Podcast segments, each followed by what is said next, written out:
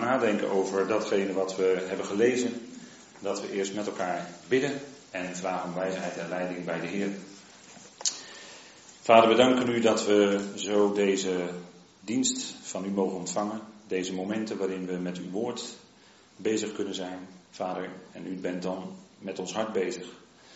Vader, dank u wel dat we ons hart kunnen uitzingen, dat wat we geloven. En dank u wel, Vader, voor dat bijzondere dat u ons toevertrouwd heeft. Die bijzondere woorden, Vader, en dank u wel dat uit dit rijke gedeelte vandaag mogen putten. Dank u wel, Vader, dat u alle dingen in uw hand heeft. En dat u die machtige vrede van u geeft in soms moeilijke omstandigheden. Vader, dank u wel voor de uitkomst die u geeft in uw plan. De uitkomst die u gaf de afgelopen week. Dank u wel, Vader, dat we u mogen danken voor het vele en het goede. Vader, mag zo ook vanmorgen dat goede veel zijn. Vader, wilt u daarin wijsheid en leiding geven door uw geest. Dat het mag zijn tot opbouw van ons geloof en bovenal tot lof en eer en verheerlijking van uw naam. Vader, daar dank u voor. In de machtige naam van uw geliefde zoon. Amen. Gods liefde is uh, wat in deze brief aan de Romeinen centraal staat in feite. Daar brengt Paulus het evangelie van God, het evangelie van God, van zijn Zoon, Jezus Christus onze Heer. En daarin zou je kunnen zeggen, Gods liefde regeert. Hè? Gods liefde is datgene waar zijn hele plan uit voortgekomen is. En vanmorgen willen we een paar facetten van dat geweldige plan en vooral van die geweldige liefde van God met elkaar beluisteren. Het gedeelte dat gelezen is, dit is de structuur van deze brief. En het gedeelte dat gelezen is, dat ziet u, dat staat in eigenlijk in het hart van de brief. En dan gaat het om Gods soevereiniteit. Dat is misschien een moeilijk woord, maar dat wil zeggen dat God, als God soeverein is in zijn handelen, in wat hij doet, dan wil dat zeggen dat God handelt naar zijn eigen wil, naar zijn eigen plan, naar zijn eigen bedoeling.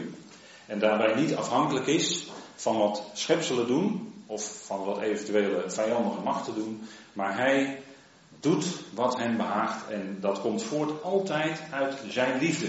Dat zouden we beseffen met elkaar.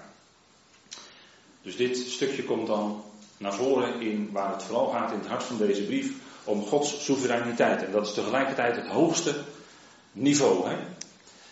De structuur van dit stukje van Romeinen 8, wat een geweldig hoofdstuk is, en waarin je zoveel rijkdom hebt, waarin je zoveel kan putten voor je hart, als het moeilijk is in het leven, en het is vaak moeilijk, het is vaak niet makkelijk, maar dan is Romeinen 8 een geweldig hoofdstuk. Het gaat over het lijden, het gaat over heerlijkheid, het gaat over die grote God die nabij is in lijden en die zelf meeleidt. Dat zouden we niet vergeten. Er is geen scheiding, dat is waar dit stukje over gaat, geen scheiding van de liefde van God in Christus Jezus. Wij zijn in Christus Jezus. Gods liefde wordt bekend en is in Christus Jezus, dus niets kan ons scheiden van die liefde. En dat is heel bijzonder hè, als we dat gaan beseffen. En daar is, dat besef je niet zomaar 1, 2, 3 als gelovigen. Daar gaat tijd overheen. Groeien in geloof is een kwestie van tijd. Het is niet zomaar van de een op de andere dag. Maar dat je de dingen van God dieper gaat ervaren, dieper gaat zien, daar is tijd, daar is groei voor nodig. En je gaat steeds meer beseffen dat hoe meer dingen er spelen in je leven en je daar doorheen gaat met Hem, dat Zijn liefde eigenlijk oneindig groot is. En dat is het evangelie van Paulus, want daar hebben we het over vandaag. En dat, dat is aan ons toevertrouwd. Dat is overstromende genade van God. En die overstromende genade van God, daarachter zit zijn liefde. Komt allemaal voort uit zijn liefde. En in die genade van God, ja, dan, daar, daarin is hij zo diep gegaan. En is heeft dat zoveel gekost om die genade nu te laten overstromen, om het zo maar te zeggen. Als we daar iets van gaan beseffen, dan, dan gaan we die kostbare facetten van dat evangelie ook meer waarderen. Romeinen 8 is het gedeelte, en ik noemde het net al heel even, waarin Paulus het zo moeilijk onderwerp voor ons bespreekt, van dat wij gaan als mensen, want wij zijn net als alle andere mensen, mensen die niet geloven hebben ook te maken met lijden in hun leven. Wij hebben te maken met lijden in ons leven. En misschien nog wel iets meer dan anderen, omdat we, en dat noemt Paulus ook in dit hoofdstuk, dat wij samen met Christus lijden. Omdat wij, als wij gelovig zijn geworden, hebben die geest van God ontvangen. En door die geest gaan wij ook ervaren wat het lijden betekent. En wat het lijden betekent voor anderen. Dat je mee lijdt als anderen lijden. Dat doet Christus nu, vandaag, en dat deed, dat deed en doet God vandaag.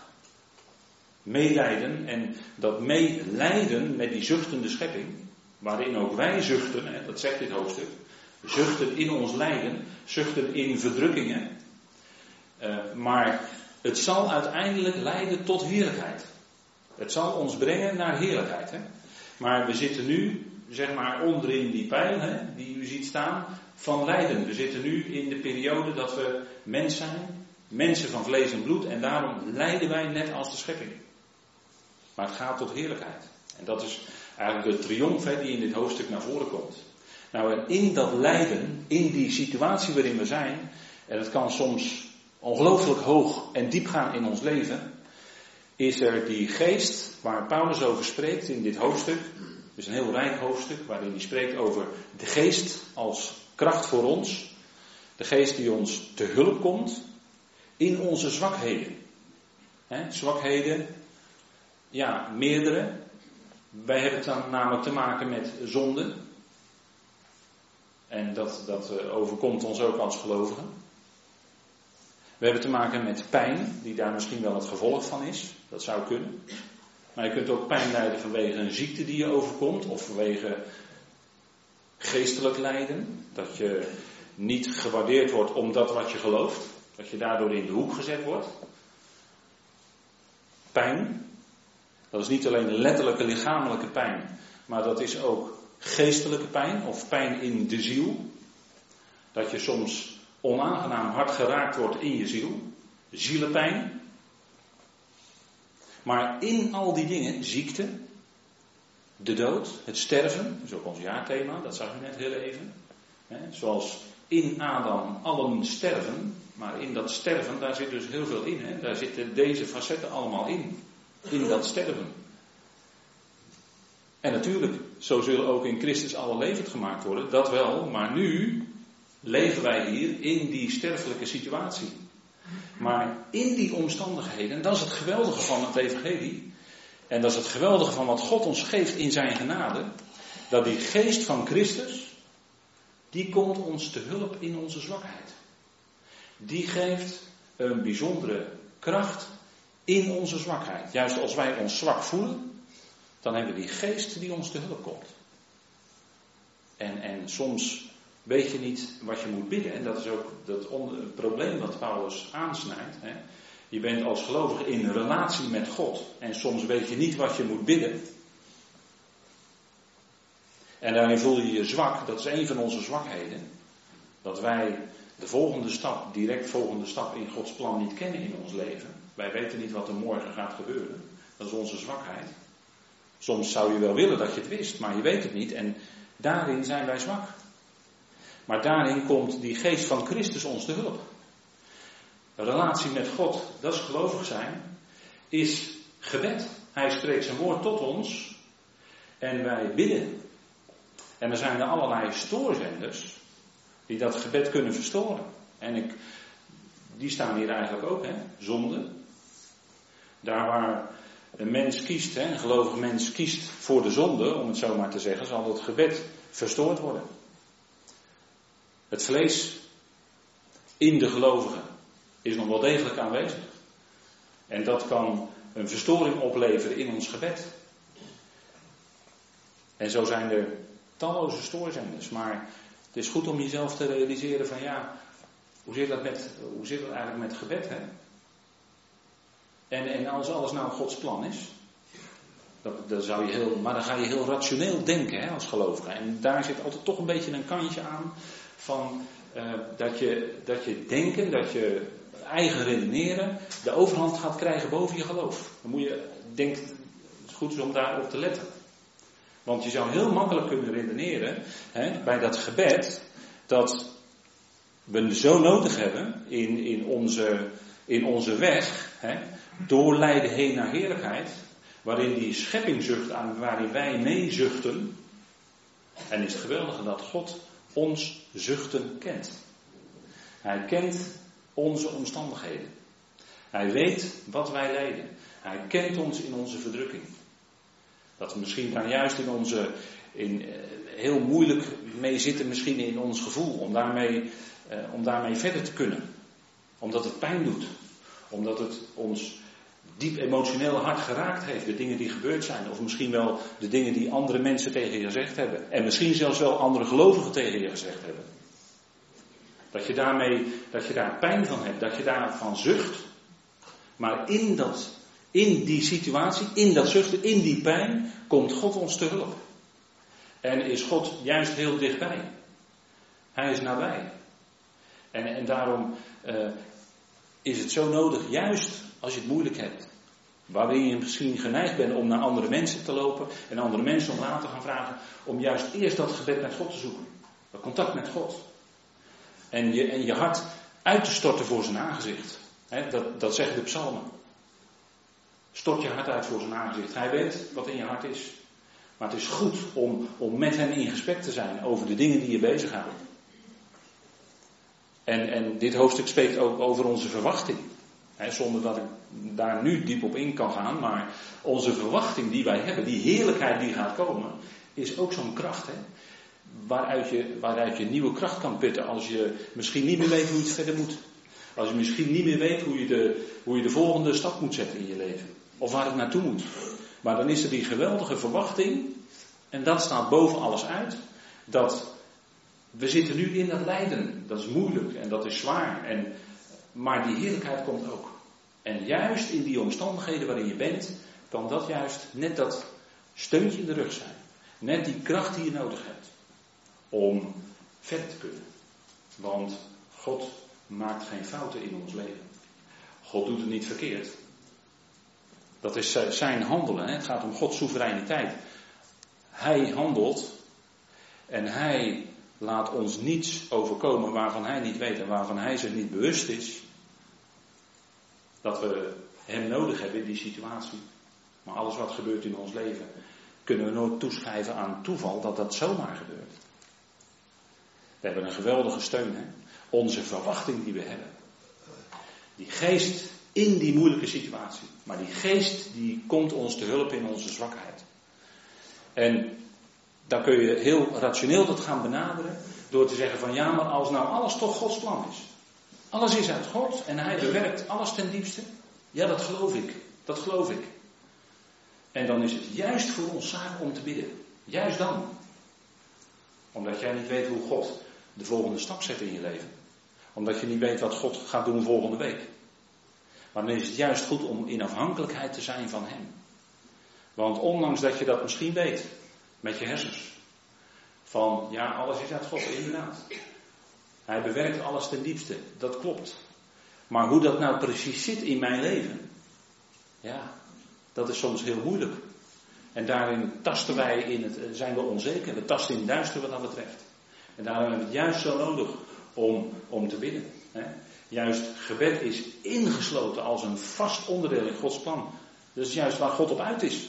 Om met ons in contact te zijn. Daar was hij van meet af aan op uit. Om zijn liefde te delen met al die schepselen. En dat delen wil zeggen dat hij die schepselen ons als mensen de mogelijkheid heeft gegeven om te bidden.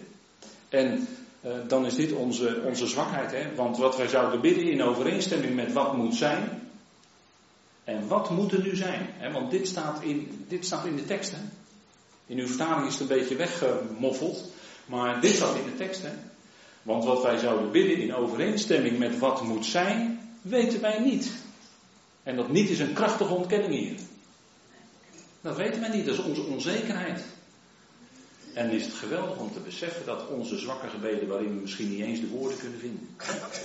Zoals ooit, u kent de geschiedenis wel, hè, van Hanna en Penina.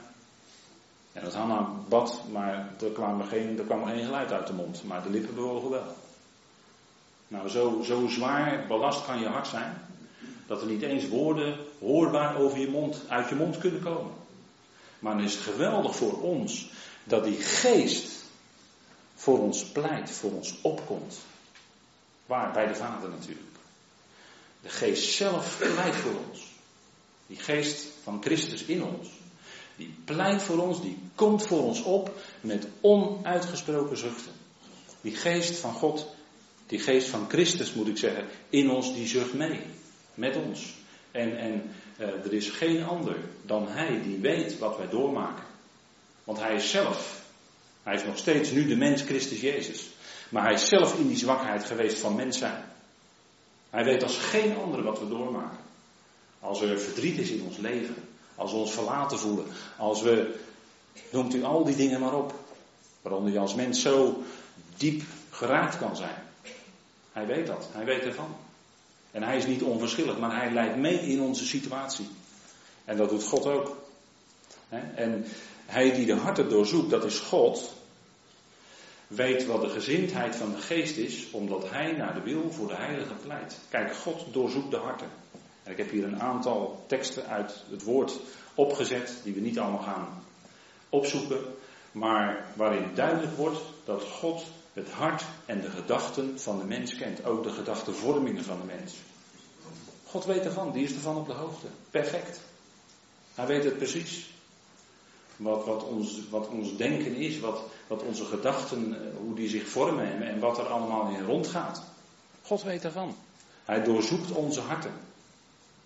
En, en bij ons als gelovigen, dan ziet hij die gezindheid van de geest, die gezindheid van Christus in ons, die ziet hij in ons hart. En die pleit naar de wil van God. Want die weet wel hoe het verder moet.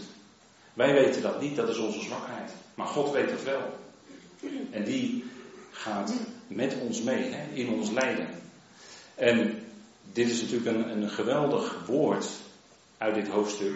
Wij weten nu dat voor hen die God lief hebben, en helaas is in de vertalingen dat tweede keer God, maar dat wil ik heel, hier heel nadrukkelijk dus wel eh, naar voren brengen, omdat het er staat.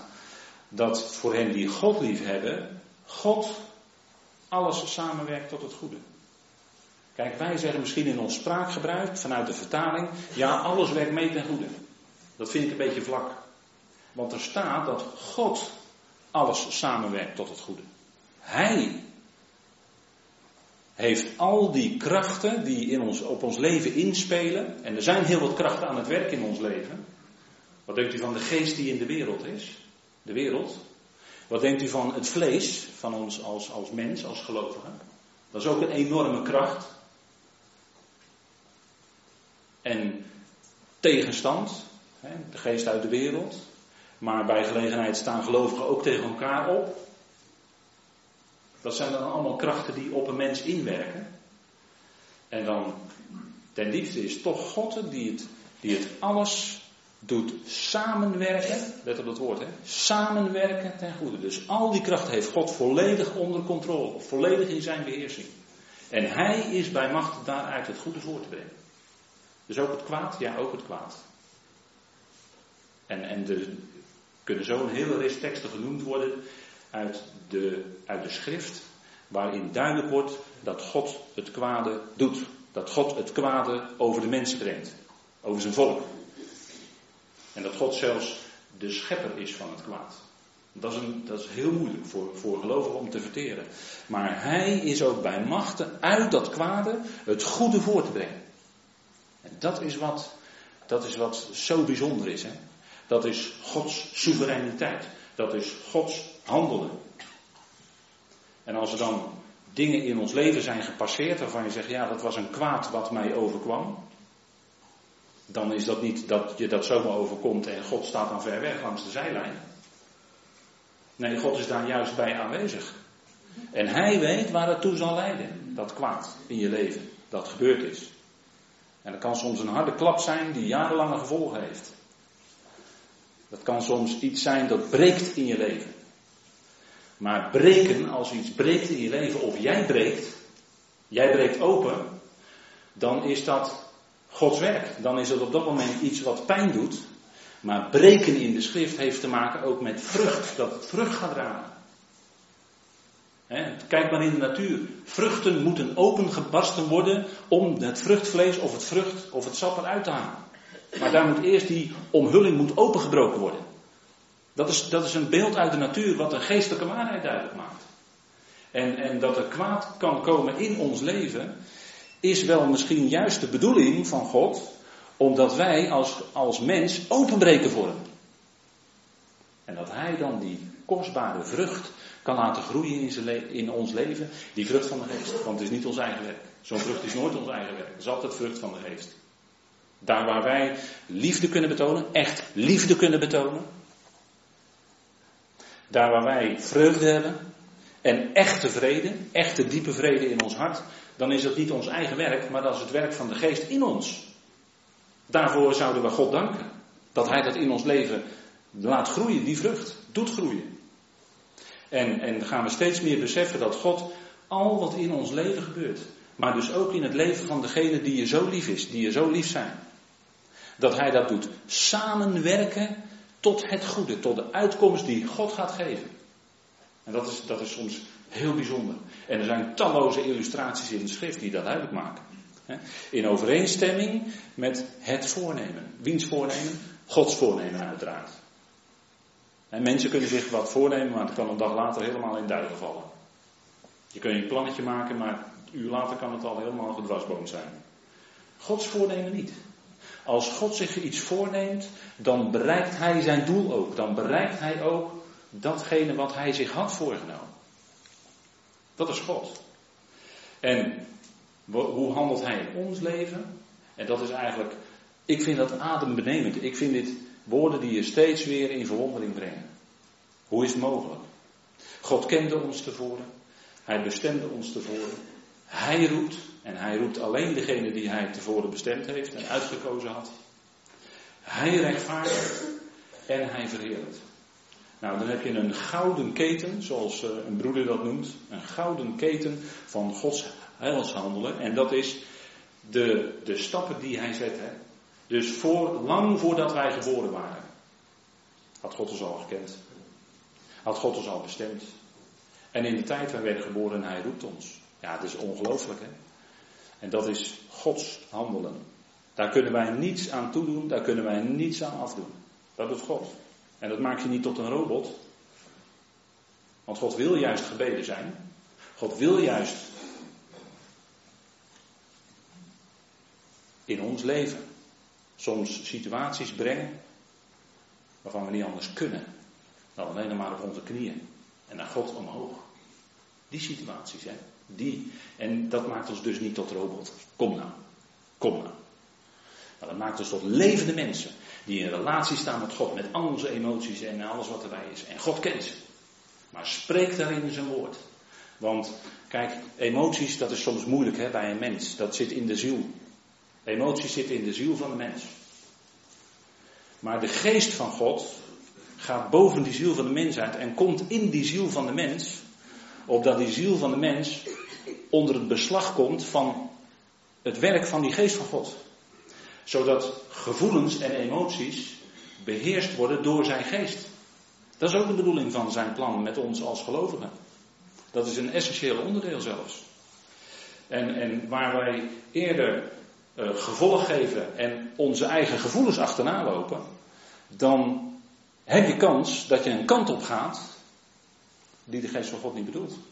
En dan is God in zijn liefde altijd bezig ons weer te corrigeren. En als hij ons corrigeert, dan zeggen wij misschien, dat deed even pijn.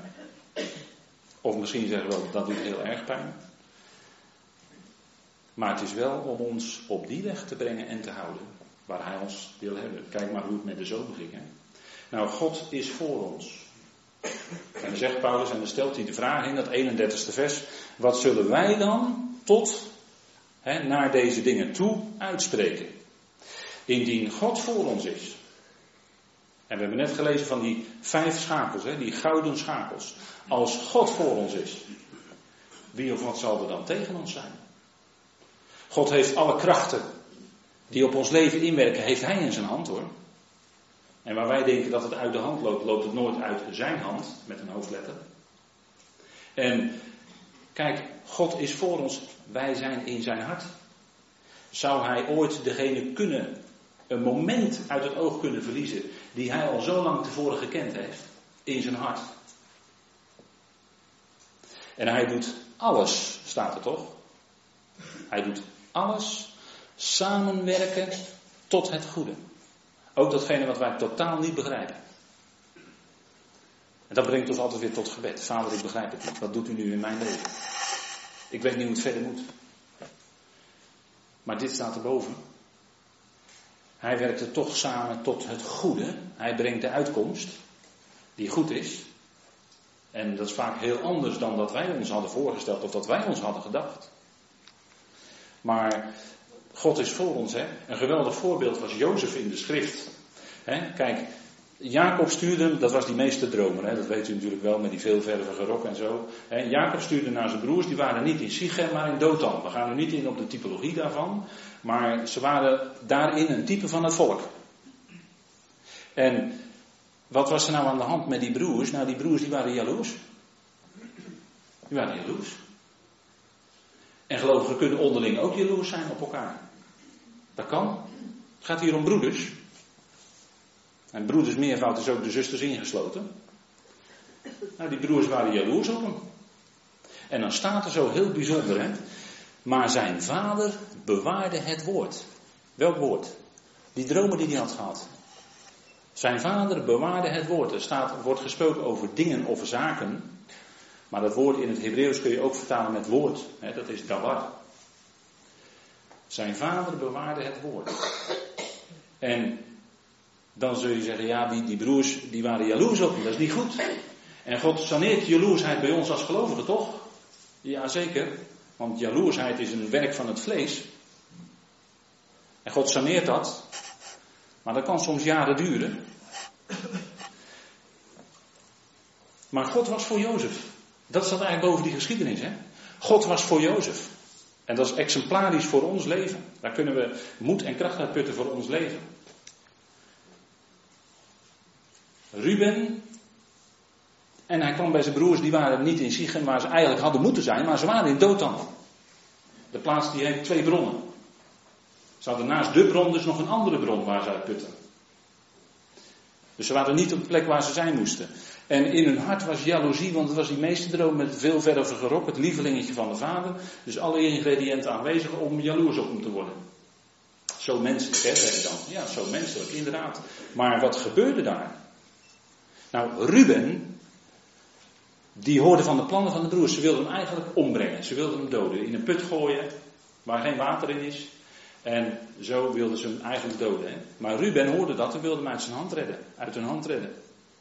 En Ruben zei ook tegen hen: Vergiet geen bloed, gooi hem in deze put die in de woestijn is. En sla niet de hand aan hem om hem uit hun hand te redden. En hem naar zijn vader terug te brengen. Want dat was Rubens plan eigenlijk.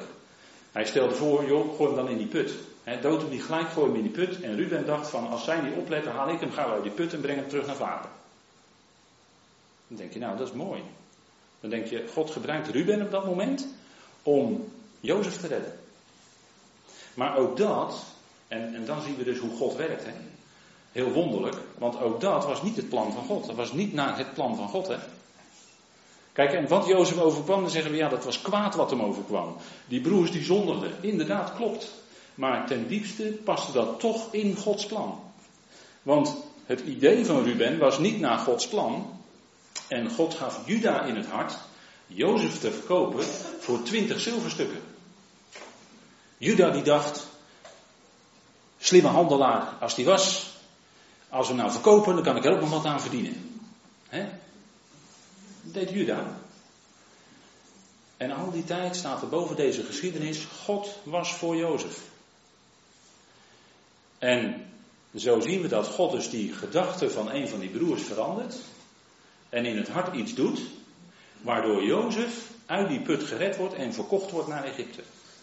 God wist al lang wat hij ging doen natuurlijk, daarmee. Maar wisten die broers verder. En later is Jozef door allerlei verwikkelingen inmiddels onderkoning geworden in Egypte. En zijn broers komen bij hem, want er is hongersnood. Wie had dat kunnen voorspellen? Nou, niemand, maar het gebeurde wel. En dat leidde ertoe dat die broers naar Jozef toe gingen. En zo werden Jozefs dromen werden vervuld. Want ja, ze zaten daar toch wel een beetje mee. Hè? We, hebben onze, we zijn schuldig vanwege onze broer. We zagen zielsbenauwdheid toen hij ons om genade smeekte. Maar we gaven hem geen gehoor. En dat om genade smeken zal later misschien, in eerste instantie is dat misschien nog een beetje weggemoffeld, weggestopt. Maar later zal het toch in een schijn gaan werken van, wat, wat hebben we eigenlijk gedaan met die broer van ons? Hebben ze vroeging over gekregen. En daarom komt deze benauwdheid, deze honger over ons. En dan gaat Jozef zich bekendmaken aan zijn broers. En waar leidde het toe? Het leidde tot vroeging in het, in het hart. Het lijden bij die broers. Het leidde tot lijden met de lange ei bij Jacob. Want nu moest Benjamin ook nog weg. Nu moest Benjamin ook nog naar Egypte komen. En Jacob zei: Jullie beroven mij van kinderen. Jozef is er niet. Simeon is er niet. En nu willen jullie Benjamin meenemen. Al deze dingen zijn tegen mij, zei Jacob. En hij was zich totaal niet bewust dat al die dingen eigenlijk voor hem en zijn gezin en zijn familie werkten. Wees nu niet bedroefd, zegt Jozef als hij zich bekend maakt aan zijn broers. We nemen even hele grote stappen in deze wonderlijke geschiedenis. Maar wees niet bedroefd en laat jullie ogen niet ontvlammen omdat jullie mij hier naartoe hebben verkocht, zegt Jozef tegen zijn broers. Want God heeft mij voor jullie uitgezonden tot redding van leven. Dat is geloof van Jozef, hè? Niet jullie, maar God. Wie was uiteindelijk de diepste, die ten diepste de handelende in deze geschiedenis? Dat was God. En dat zegt, dat zegt Jozef later nog een keer. Hè? Nu dan, niet jullie hebben mij hier naartoe gestuurd, maar God. Alsjeblieft. Dus hij gebruikte die jaloezie, hij gebruikte die afgunst bij die broers. Hij gebruikte dus dat zondigen, want die broers zondigden tegen hun eigen broer. Die broers zondigden tegen Jacob en ze zondigden tegen God ten diepste. De handelwijze van de broers Jozef naar Egypte sturen was zonde. Dat was zonde. Alleen, je bekijkt het dan van één kant. En als we nu de hogere overwegingen nemen vanuit God, dan gaat het plaatje er completer uitzien. Deze handelwijze van de broers was in feite Gods handelen. Noodzakelijk voor hun redding. Dus God gebruikte dat kwaad wat ze hem aandeden van Jozef, tegen Jozef, dat die zonde gebruikte God zelfs om die broers later te redden en Jacob. En al die tijd was dus God voor Jozef. En het bleek eigenlijk ten diepste dat God voor die broers was. Dat God voor Jacob was. Want door Jozef heen redde hij ze allemaal. En is dat niet een geweldig beeld, een geweldig type van onze Heer? Als God voor ons is, wie zal dan tegen ons zijn? We kunnen misschien soms net in ons leven zeggen, ja, alles lijkt wel tegen te zitten. Alles lijkt wel tegen mij. Alles lijkt zich wel tegen mij te keren of tegen ons.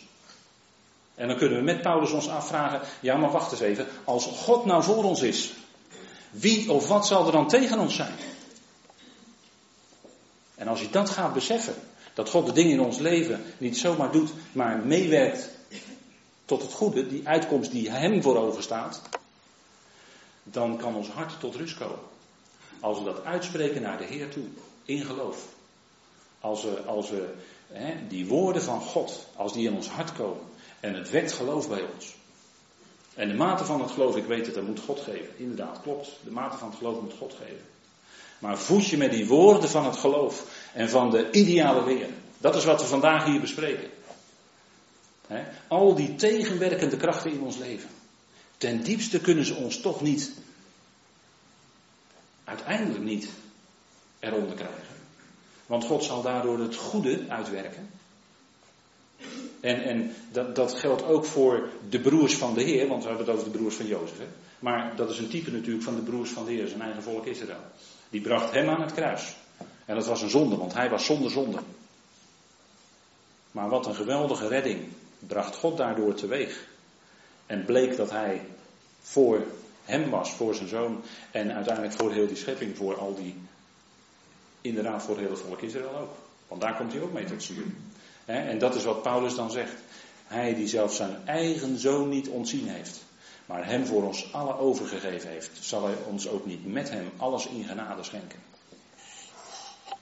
Dat zijn woorden die misschien wel eens onwillekeurig in je gebed zo naar boven kunnen komen. Als je deze woorden in je hart hebt, ja, dat is fantastisch. En wat een diepte van lijden was er op Golgotha. Hè? Want let op dat, dat hier staat zijn eigen zoon. Hè? Zijn eigen zoon. Zijn geliefde. Die werd op het kruis genageld. En, en, en dat is wat, wat, eh, wat God heeft bewerkt. Hè? Want er staat hier, maar hem voor ons alle overgegeven heeft. Dat deed God dus met zijn zoon. Die gaf hem over in de dood. Die gaf hem over aan dat enorme lijden op Golgotha. Wat een enorm lijden is dat niet alleen voor de zoon geweest. Maar we zouden ook nadenken over wat het God heeft gekost. Wat denkt u wat het Abraham kostte toen hij Isaac op het hout bond en het mens hief? Wat denkt u wat er allemaal door Abraham heen was gegaan? Zijn eigen zoon, waar hij zo lang op gewacht had. 13 jaar lang, Isaac. Zoveel jaren meegemaakt. Hij had hem zien opgroeien, spelen, lachen enzovoort. Hij hield van zijn zoon, zielsveel. En hij moest hem op het hout binden. Nou, en zoveel groter God is dan Abraham, zoveel groter was ook het lijden wat de vader meedeed met de zoon op Golgotha. En ik, hoop dat we daar iets van gaan beseffen. Iets van die enorme diepte. Wat het gekost heeft. Zodat inderdaad nu de sluizen van genade openstaan en overstromende genade is. En dan staat er voor ons hè, zo fantastisch. Hoe zal hij ons ook niet met hem? Want in hem heeft God in feite alles gegeven.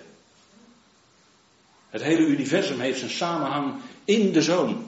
Dat kun je eigenlijk niet beseffen. Ik spreek het uit, want het staat in Colossense. Maar je kunt het eigenlijk niet beseffen.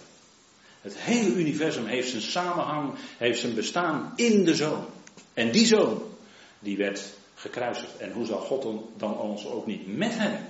Ja, het allergrootste, wat je maar kan bedenken, is zijn eigen zoon. Als hij die gegeven heeft, ja, dan ook met hem alles. Dat kan niet anders. Want met hem heeft hij dan alles gegeven. Nou, dat is genade inderdaad oneindig groot. En dan beseffen wij als gelovigen dat wij gerechtvaardigd zijn. En wie kan ons dan beschuldigen? De vraag stellen is hem al beantwoorden. Hè? God, de rechtvaardige? Nee, natuurlijk niet. God heeft ons gerechtvaardigd. De enige die iets ons zou kunnen beschuldigen, zou God kunnen zijn. God de rechtvaardige. Gerechtvaardigd. Er is betaald. En wij zijn gerechtvaardigd door genade, door zijn bloed, door geloof van Christus. En van de zonde, zelfs door de dood. Hè? De dood samen met hem. Maar dat is een hele diepe waarheid. En wie zou dan ons kunnen veroordelen? Christus Jezus die stierf. En die ook opgewekt is zelfs. Als een, als een enorme bezegeling van onze rechtvaardiging. Hè? En wat meer is, die is ook opgewekt. Hè? Dat was een zo mogelijk nog groter bewijs van onze rechtvaardiging. Dat hij werd opgewekt op de derde dag. dus vandaar dat staat die ook meer is. maar het is allebei heel veel. Die ook voor ons opkomt, zelfs bij de Vader. Zouden die dan ons nog kunnen veroordelen, wij die in Christus Jezus zijn? Absoluut niet. Wat een liefde, wat een enorme heerlijkheid, wat een genade hebben wij ontvangen. En soms ontdek je bij jezelf dat je ja, dat, dat je deze geweldige, geweldige zaken, omdat je misschien met andere dingen bezig bent uit zijn woord, dat je deze geweldige zaken soms een heel klein beetje uit het oog verliest. Maar wat fantastisch, wat geweldig is dit. En daar wil ik vanmorgen, die vreugde wil ik graag vanmorgen met u delen. Zullen wij de Heer danken? Vader, dank u wel voor het machtige evangelie van genade. Dat zo ver reikt, Vader, dat allen binnen uw armen in uw hart passen.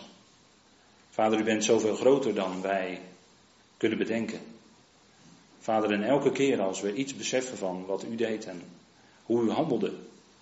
Vader, wat zo prachtig werd afgebeeld in het leven van Jozef.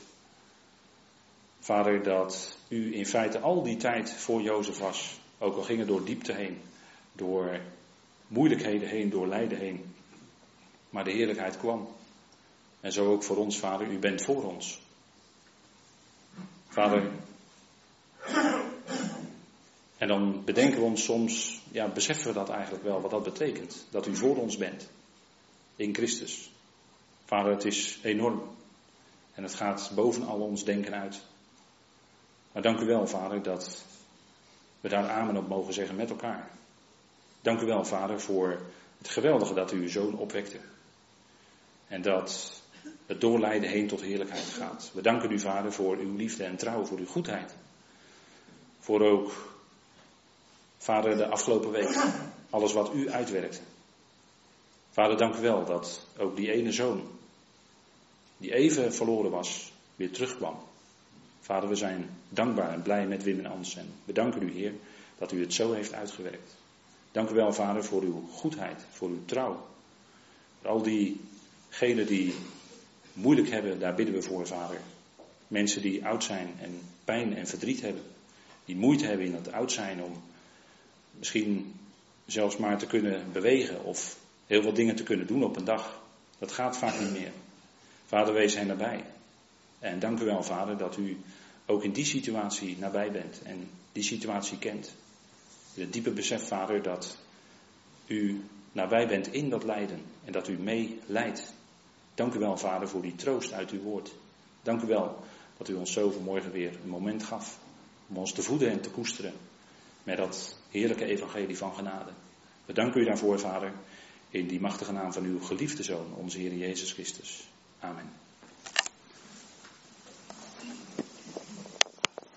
Goed, ik stel voor dat wij uh, als afsluiting van de dienst